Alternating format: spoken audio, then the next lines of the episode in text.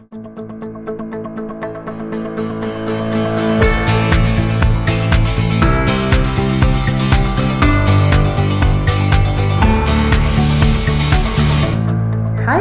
velkommen til eh, Avfall Norges podkast Sirkuler.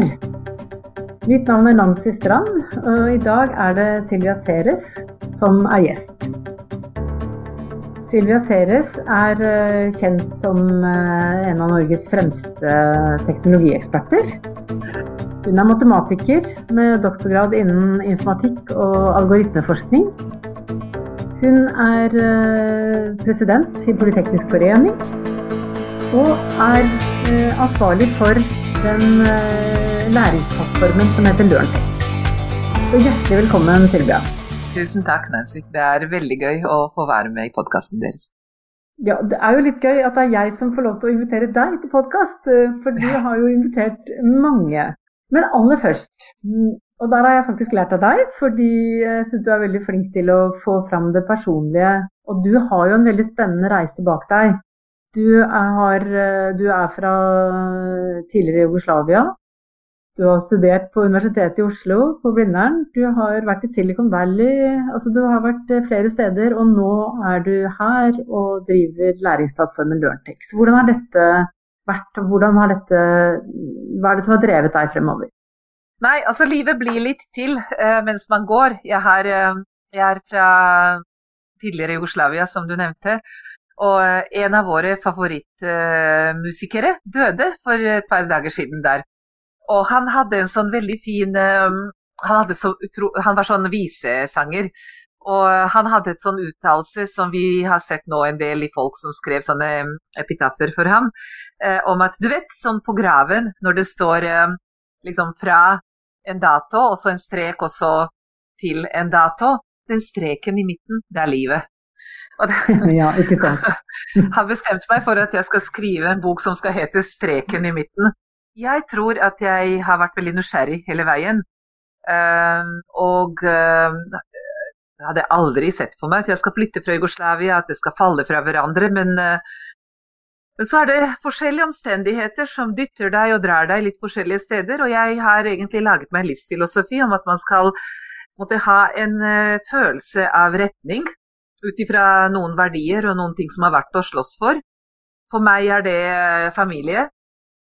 Og så er det egentlig en eh, slags uh, rettferdig verden. Uh, og med rettferdig så mener jeg ikke at det skal være nødvendigvis resultatrettferdighet, men det skal være mulighetsrettferdighet. Jeg er veldig opptatt av at folk skal kunne lære, at alle skal få nok inspirasjon fra tidlig alder. At, at vi skal etterlate like muligheter til ungene våre, sånn som vi har fått. Eh, og, og, det har på en måte drevet meg, og så syns jeg det er et kjempeprivilegium å lære. Og jeg tror at livet er å lære. Og har fått muligheter eh, fra Norge, egentlig. Norge har gitt meg eh, mange flere muligheter enn det landet jeg har vært eh, født i. Så uh, jeg fikk mulighet til å studere under noen av de mest fantastiske hjerner i verden her i Norge. Ole Handal og en som heter Herman Ruge Jervel. Og så har jeg eh, jobbet i Oxford med deres venner, som også har vært noen av de eh, viktigste tenkere innenfor eh, datavitenskap for 50 år siden og for 25 år siden, da jeg studerte der. Og disse folka har formet meg med en måte å tenke om data og et samfunn drevet på data, hvor jeg tror jeg har fått en enorm gave med at jeg har tenkt på de store spørsmålene og forstår de virkelige drivkreftene eh, på en dyp måte, eh, som ikke dreier seg bare om måte oktan i en regnemaskin, men, eh, men, om hva kan en regnemaskin få til når du rigger den til riktig. Og eh, det har vært et veldig viktig perspektiv når jeg da igjen av ren nysgjerrighet havnet i Silicon Valley Ehm, når man først tar en doktorgrad i Oxford, så blir man kjent med folk som tar doktorgrad i Stanford, eller eh, doktorgrad på Cornell eller MIT.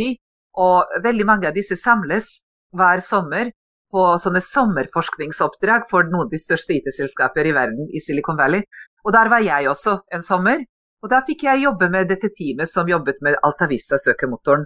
Og Google hadde 16 ansatte, Og det å følge disse eh, 16 eh, gutter i hettegensere og i hullete sokker til eh, verdens eh, nest mest verdifulle selskap uten at de ante hvor de skulle, eh, har formet meg også siden.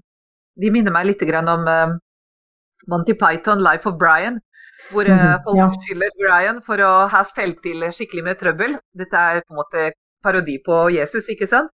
Og så mm. sier han at nei, jeg har ikke ført dem hit, de bare fulgte meg. Og sånn tror jeg mange av disse Silicon Valley-vennene våre har. Ja. Så har jeg jobbet også i Kina med forskning uh, i uh, Chinese Academy of Sciences. Og jeg tror at Kina går veldig mye mer målrettet inn i den fremtiden som møter oss. Og et sted mellom USA eller Silicon Valley med sin ekstreme markedsfokus uh, og individualisme, og Kina med sin ekstreme totalitære fokus og et slags harmonifellesskap som drivkraft, så tror jeg at man finner Norge eh, med, som klarer å ha respekt for individet og respekt for fellesskapet. Og det er den posisjonen for Norge som jeg har så forferdelig lyst til å være med og bygge. Ja, ja. Altså, du startet jo et interessant eh, prosjekt i fjor, en, en eh, digital dugnad Eh, som ble til en, en, bok som du kan laste ned, som det står denne er beta-versjonen. Og så ble det til en, eh, en si, Det ble til en ferdig bok. Men ideen bak den, det å skrive bok på dugnad, eh, hvordan, hvordan ble det til? Ja, og dette er digital dugnad, en beta-utgave av en bok som Eh, ble utgitt som e-bok bare, men eh, også sendt til ca. 200 stykker, som da kom med innspill til konklusjon om hva skal Norge gjøre i digital strategi fremover, og det ble staten og dataen. Og mm. tanken der var at uh, altså dette begynner egentlig uh, igjen uh, 20 år tilbake i tid, eller 25. Jeg digger å forelese. Jeg digger å prate. Uh, og eh, jeg har ikke hatt den muligheten siden jeg forlot akademia. Og eh, jeg eh, treffer veldig mange interessante mennesker gjennom styrer og utvalg og investeringer som jeg har foretatt i det siste. Og vi finner på mye morsomt å prate om, og har mange ganger kommet til at dette må vi skrive en kronikk om. Men det å skrive en kronikk er veldig krevende, fordi du må treffe et sånn perfekt balansepunkt mellom et veldig billedlig og enkelt språk og eh, eh perfekt, eh, måte, perfekt faktautvalg, da. Og det, det, mm. blir ikke til så mange kronikker, men det å lage podkaster er kjempeenkelt. Og da var det 100 eh, podkaster i De som bygger det nye Norge, og snart 1000 podkaster i uh, Learn. Og så har jeg akkurat rundet foredrag nummer 800 på de siste tre år. Og gjennom Altså, det høres ut som det er jeg som prater, men det er egentlig veldig toveisprosess, alle ja. sammen. Man lærer masse hver gang, fordi du må fokusere på et bestemt uh, um, Du må ha en ny prisme, du må ha nye briller på, uansett på en måte hva som er utfordringen om digitalisering og fremtiden. Og det som var målet her først, var å egentlig samle disse tankene i eh, en bok om hva jeg mener er de viktige dilemmaene når det gjelder digitalisering og fremtiden. Jeg er så lei av å høre at mer data er bra, mer, mer nettverk er bra, mer IKT-utdanning er bra, mer personvern er bra. Fordi det er egentlig avveininger hvor du må prioritere opp noe, og du må prioritere ned noe. Og vi er veldig villige til å prioritere opp noe, men aldri til å prioritere ned noe. Og det er liksom det jeg har prøvd å skrive om seks hoveddilemmaer. Og så kom det så mange spennende innspill til konklusjonen at, uh, at det er egentlig det som er sluttboka. Det er en felles konklusjon som uh, kulminerer i ti bud for digitalisering av Norge. Ja. Og det morsomste her, Nancy, er at de ti budene for digitalisering av Norge er faktisk ikke nye. Det vi endte opp med, er uh, de ti oljebud fra 1971, hvor man bytter ut ordet olje med data, ja. og man havner på en strategi for digitalisering av Norge som jeg mener er både unik i verden Og mye bedre enn de digitaliseringsstrategiene som, vi, som foreligger nå. Mm, mm, ja. Men det er eh, Jeg har jo lagt merke til at eh, du er veldig opptatt av å bevare fremtidsoptimismen. Eh, du skriver om at hva er det som, hva er det som skjer når vi ikke lenger har tro på framtida? Ja, altså det fins en, en, utrolig fin jeg, jeg, digger sitater, da. Så En fra David Bowie som sier at fremtiden hører til de som kan høre den komme. Og så er det også en annen eh, som er tilegnet mange, men som sier at fremtiden defineres av de som bygger den. Og jeg tror at det er det der fremtidsmotet som av og til forsvinner hvis man har det litt for godt. Hvis man har for mye å tape, så blir uh, risikokostnaden for høy. Og jeg mistenker at vi er litt der. ikke sant? At vi har så mye å tape når vi er verdens rikeste, lykkeligste, mest likestilte, mest demokratiske nasjon, at vi tør ikke fikle med det som funker. Problemet er bare at det som funket til nå, kommer ikke til å fungere fremover. Vi ser mm. at det er både klimagrunner, men også disse eksponentielle omstillingsgrunner bak digital teknologi, som gjør mm. at what got us here won't get us there. Og eh, jeg tror vi var modigere før, og jeg tror at uh, fremtiden vi går inn i, krever enorm uh, innsatsvilje, og at den største risikoen er å ikke ta nok risiko, i frykt for å kanskje tråkke feil. Mm, ja. Altså denne, denne, Det som uh, jeg merket meg kanskje særlig med, da, det, det, er det som du skriver om at det Altså én ting er den, den eksponentielle utviklingen Eh, når det gjelder liksom, tilgang på regnekraft og, og osv. Og, og også eh, Du beskriver jo veldig fint den polariserende effekten som, som eh, de enorme digitale Alle de store, store, digitale teknologiene har. Men jeg syns at det som du skriver om at um, dette her vil jo også kunne forandre hvordan vi ser på samfunnsoppdraget vårt. Og da tenker jeg jo at eh, for oss som jobber med innenfor avfall og gjenvinning og sirkulær økonomi, da, så er det jo noe med at eh, vi, vært, vi har jo noen eh, Tradisjonelt så har vi jo noen måter å tenke på når det gjelder vi skal samle inn avfall, vi skal sørge for at det blir gjenvunnet og tatt vare på på en god nok måte. Og så har vi begynt å tenke sirkulært, vi har begynt å tenke verdikjeder. Men hva skjer når alle disse nye teknologiene måte slår inn samtidig?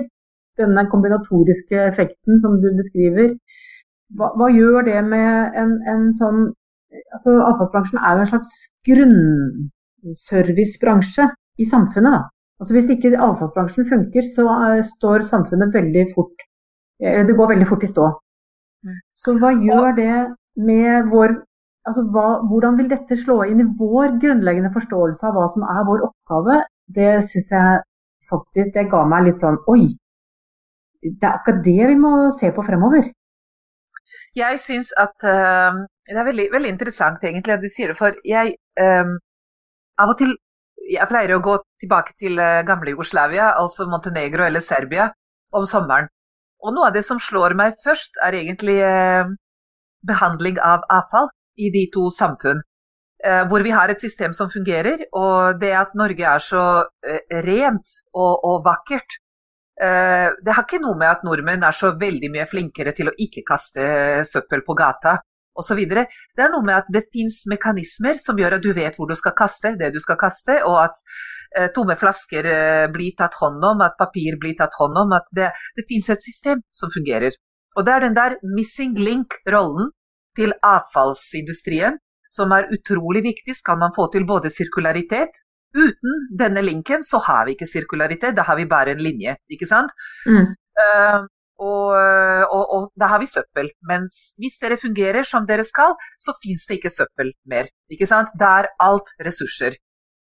Uh, og så er det også noe med at uh, måte, måten vi ser på samfunnet vårt blir, tror jeg, kan, kan, kan endres fra å være et sånt materialistisk sort hull til, til å bli bære, en bærekraftig sirkel. Mm, og ja.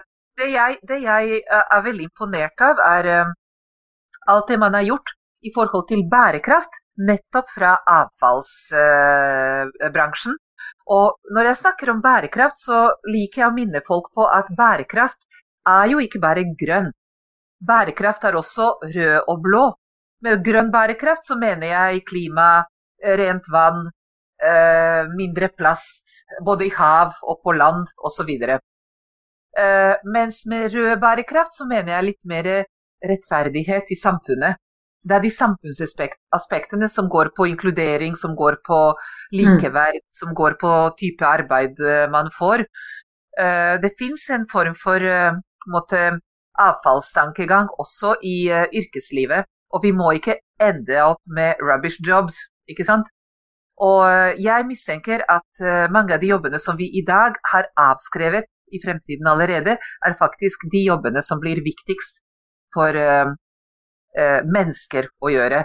Og det å ta en ordentlig runde på hva det mennesker skal gjøre, hva det maskiner skal gjøre, og hvordan skal de samarbeide mest effektivt, er utrolig viktig. Ja. Og jeg kan komme tilbake til det. F.eks. så ser man muligheter for maskiner når det gjelder sortering av avfall, ikke sant? Men jeg tror at det er nødvendig at menneskene overvåker og justerer dette her. Og kanskje også lærer av det, sånn at vi kan utvikle nye materialer som passer enda bedre. ikke sant? Ja. Mm, mm. Uh, mens eh, den tredje type bærekraft tenker jeg er innovasjon og eh, det kommersielle. Og jeg tror at det at dere klarer å måte, reinvestere avfall i om det er dyrefòr, eller om det er naturressurser som brukes til alt fra klesproduksjon til veiproduksjon til byggebransjen osv. Det er utrolig viktig type innovasjon skal vi klare å nå klimamålene som er absolutt nødvendige hvis, skal, hvis barna våre skal ha uh, like gode, gode, muligheter som det vi hadde. Mm, ja. Jeg tror det, det som fikk meg eh, åpnet øynene mine for hvor viktig dette kommer til å bli, det var når en, eh, en god bransjekollega sa at uh, vi er jo veldig snart der at uh, dataene om, uh, om både de som kaster og det vi kaster, er mer verdt enn selve avfallet. Mm.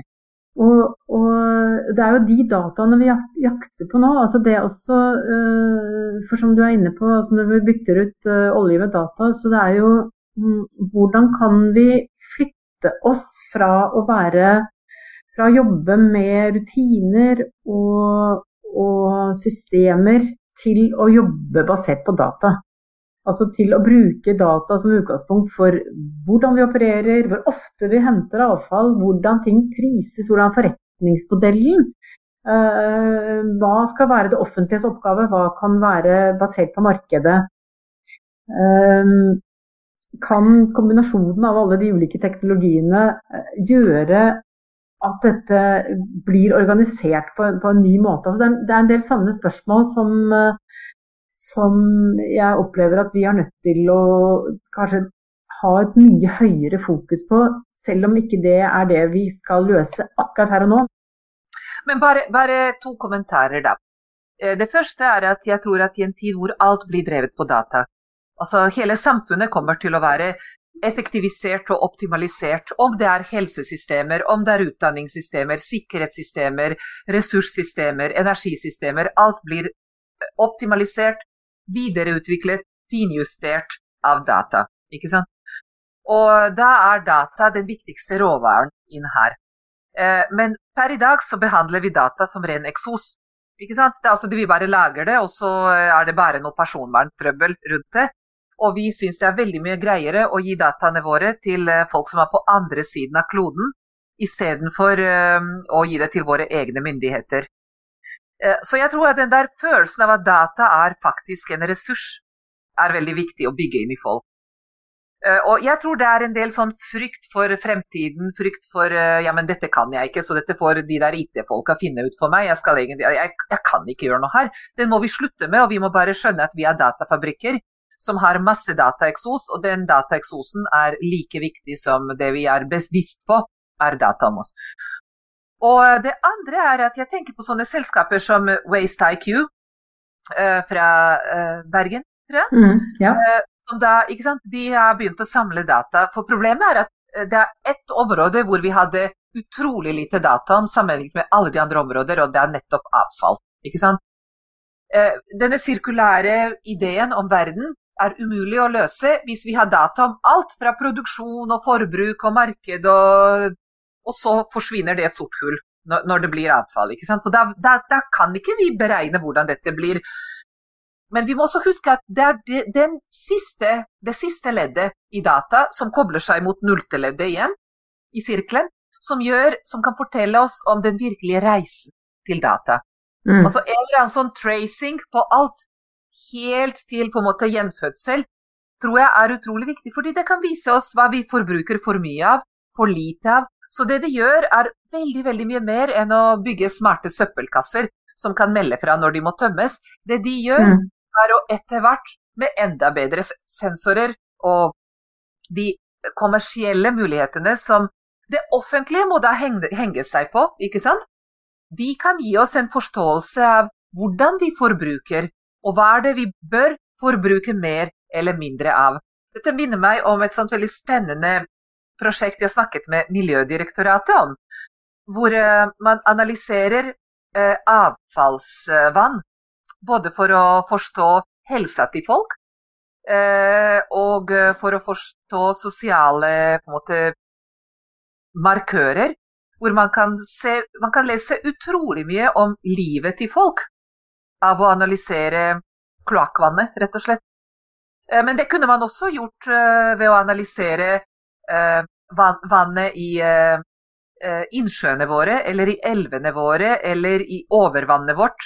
Det, det sier utrolig mye om måte, de områdene det har vært gjennom, og de menneskene som har berørt den.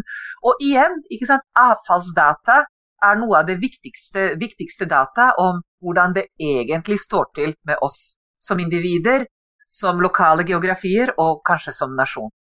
Mm, ja. Og det, du har jo vært inne på dette med, med livslang læring. For det vi opplever nå, er jo nettopp at eh, for noen så er dette kjempespennende, og man bare elsker å gå inn i det. Og for det andre så blir det litt, eh, kanskje litt abstrakt eh, nesten. At, og litt Man vegrer seg litt.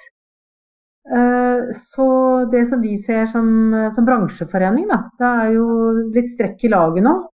På, på, det er nesten som datautviklingen selv. At de som da uh, ligger nå tidlig framme og er, er, på bølgen, mens andre går bak og nøler og, og, vet kanskje ikke helt rett og slett heller. Jeg tror, uh, så hvordan kan man på en måte hvordan kan man ivareta et sånt livslangt læringsperspektiv i praksis, egentlig? Eh, ja, og strek i laget er ikke noe man liker i Norge, ikke sant? Og så begynner man å fable om normert tid og eh, på en måte like løsninger for alle.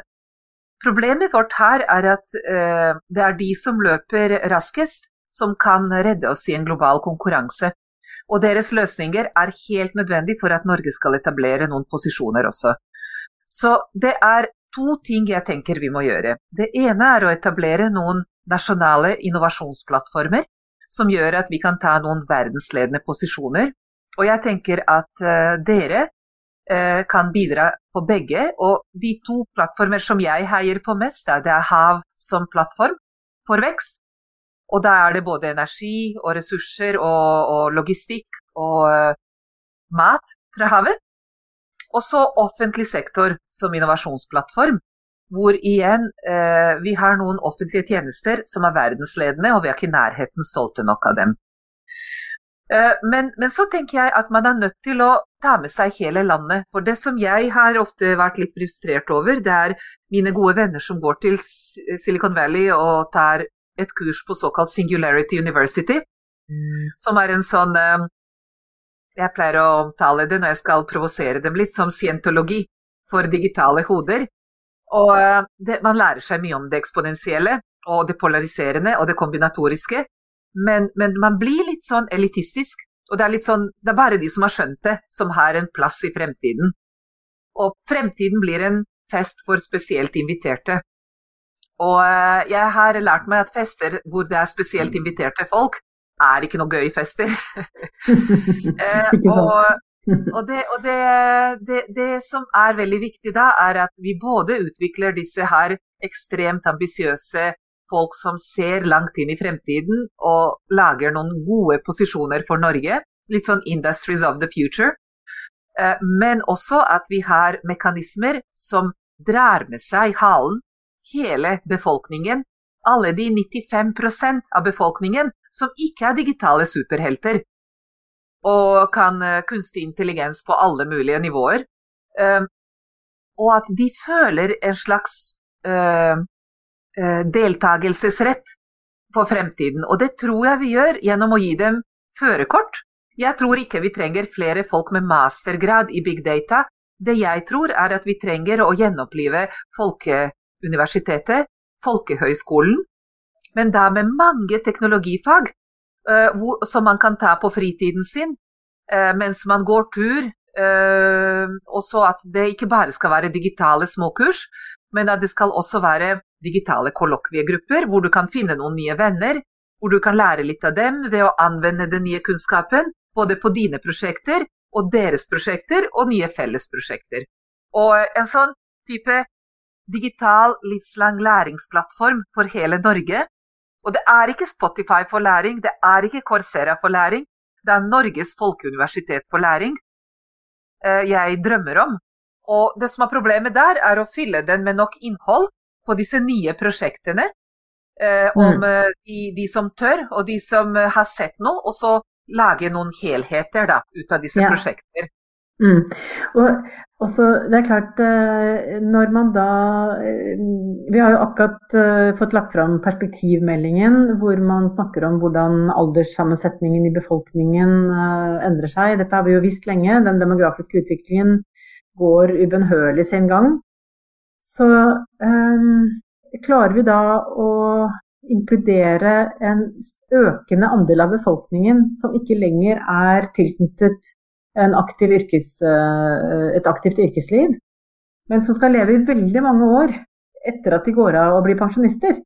Så, så, um, og som nå i, i, mye av det offentlige ordskiftet blir sett på som en, en belastning, noe som, man, noe som, vi skal finansiere. Men kan ikke de like gjerne bli til en ressurs som skal være med jo. på denne utviklingen? Og du, når vi snakker om det sirkulære, så, så tror Altså, jeg eh, ble 50 år uh, i uh, juni i fjor. Og har gått gjennom en sånn Ikke identitetskrise, men en identitetsendring etter det. Og jeg har gjennom mange år vært hun som, hun som, var den yngste i forskjellige styrer, og har liksom alltid tenkt at vi er unge, ikke sant. Og så begynte mine kollegaer i Løren å si til Silvia at du Silvia, det er ikke vi unge, er liksom, du er en annen generasjon enn oss, du skjønner det, og det skjønner jeg jo ikke. da. Men, men, så tenker jeg at jeg ble invitert av noe som heter Senter for seniorpolitikk, som er medlem av Politeknisk forening, og holde et lite innlegg på en digital konferanse de hadde. Og mens jeg Jeg snakket tidligere Nancy, om at dette med å holde foredrag er en toveisprosess. Så, så, så, jeg har vært så opptatt av unge må frem, og ikke sant, vi må i alle styrer så spør du ja, men hva er aldersgjennomsnittet, og har vi nok unge, og hvorfor har ikke vi flere unge, og sånn. Og så tenker jeg at vet du hva, vi skal leve med stor sannsynlighet til vi er 90, 100, du og jeg. Altså hvis ikke brystkreft tar oss, da. Eller eh, Altså godt mulig at demens tar oss, men, men vi lever lenge. Og uh, før den demensen tar oss, så har vi mange, mange, mange gode arbeidsår igjen foran oss. Og jeg vil ikke bli fortalt at fordi jeg er over 35, så kan jeg bare gå hjem og vente på pakken. Altså, jeg vil være relevant, helt så lenge jeg kan, da. Og jeg ser det med mine foreldre, begge to 82. Utrolig sterke, viljesterke og, og intellektuelt sterke personer som vil så gjerne bidra som mentorer og de hjelper masse på privat grunnlag, men når jeg prøver å finne ut om de kan involveres som mentorer for unger som skal lære å kode, eller lære å tenke matematikk eller kjemi, eller Samfunnet vil ikke bruke dem. Og vi må finne en måte å bruke folk mye lenger enn det vi har gjort før. Mm. Og jeg tror at det å forstå at læring er ikke en engangsgreie, men det er noe du gjør hele livet, og du må ha en sånn start, kickstarter på livet med læring, og det er studier. Men etter det så må du fortsette å videreutvikle deg i mange, mange retninger. Og øh, du må styre det litt selv. Litt må styres av samfunnet, litt må styres av arbeidsgiver.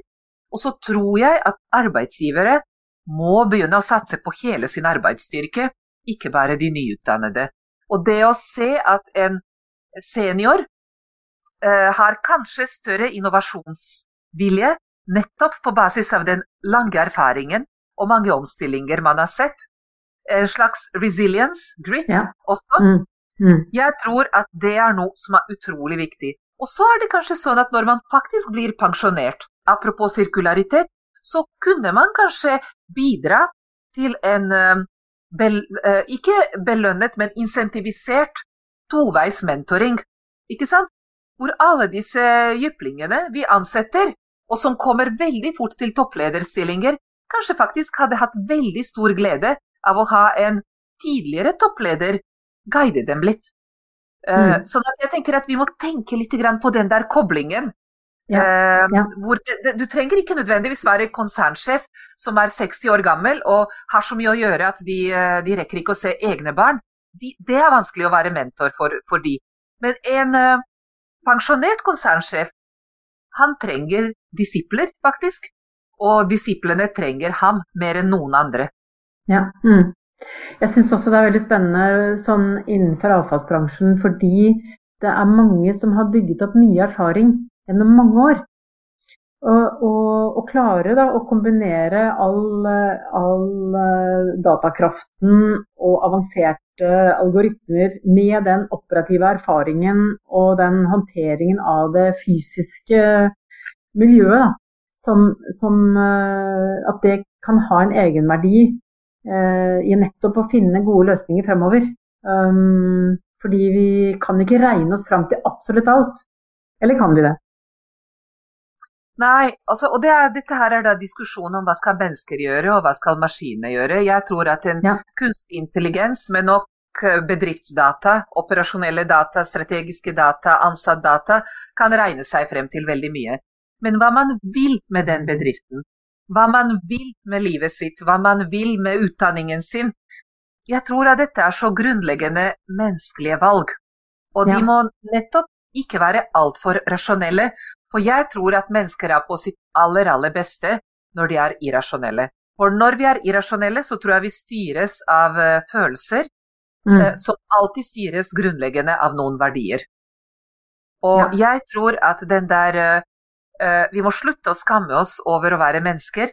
Imperfekte, dødelige mennesker. Mm -hmm. Sammenlignet med disse perfekte, eh, udødelige kunstig intelligensmaskinene våre. Og huske at det er nettopp den der sårbarheten og ufullstendigheten vår som mm. har faktisk klart å gi oss kunst. Som har klart å gi oss måtte, alle de historiene hvor man får uh, gåsehud ja. av uh, at man kan være menneske. Uh, jeg tror det har noe med den der rare, rotete kjemien vår å gjøre, og ikke med naturlig eller kunstig intelligens. Og, og, jeg tror vi skal måte, lære å respektere begge sider av oss, ikke sant? Ja. Og, og, kanskje, kanskje eh, Kanskje også feire litt den der eh, rotete svakheten vår. Altså, jeg, jeg fascineres veldig av Norge også som en kunstnasjon. At eh, ja. dette bitte lille fjompelandet har kommet opp med Munch, Grieg og Hamsun og en del annet. Eh, altså det kommer også fra de frustrasjonene man har hatt. Det kommer av eh, det ekstreme presset man har på seg, kulturelt og på alle mulige andre måter i dette landet. Ja. Men så resulterer det i eh, en udødelig kunst, ikke sant? Mm. Og jeg, jeg, jeg tror at vi skal, vi skal, lære av det, og så bruke det i en sånn uh, høyteknologisk fremtid også. Ja, ja. Helt til slutt, uh, fordi siden vi er inne på det med verdier, uh, så fordi det, altså dette med å virkelig verdsette de beste verdiene ved det norske samfunnet, da, som en, en forutsetning for å drive denne utviklingen fremover, Uh, som du nevner, kanskje nettopp dette med, med uh, åpenhet, men også tillit. Uh, hvor viktig det er for å, for å få til en, en, god og felles utvikling uh, framover. Nei, og så Av og til må det kanskje en utlending til for å, for å Det tror jeg ofte. Mm. for å si hva er det som eh, man er mest imponert av. For jeg tror at uh, nordmenn tar ganske mye for gitt, både av sin uh, stabilitet, sikkerhet og velstand, velferd og kanskje uh, de styrkene man har.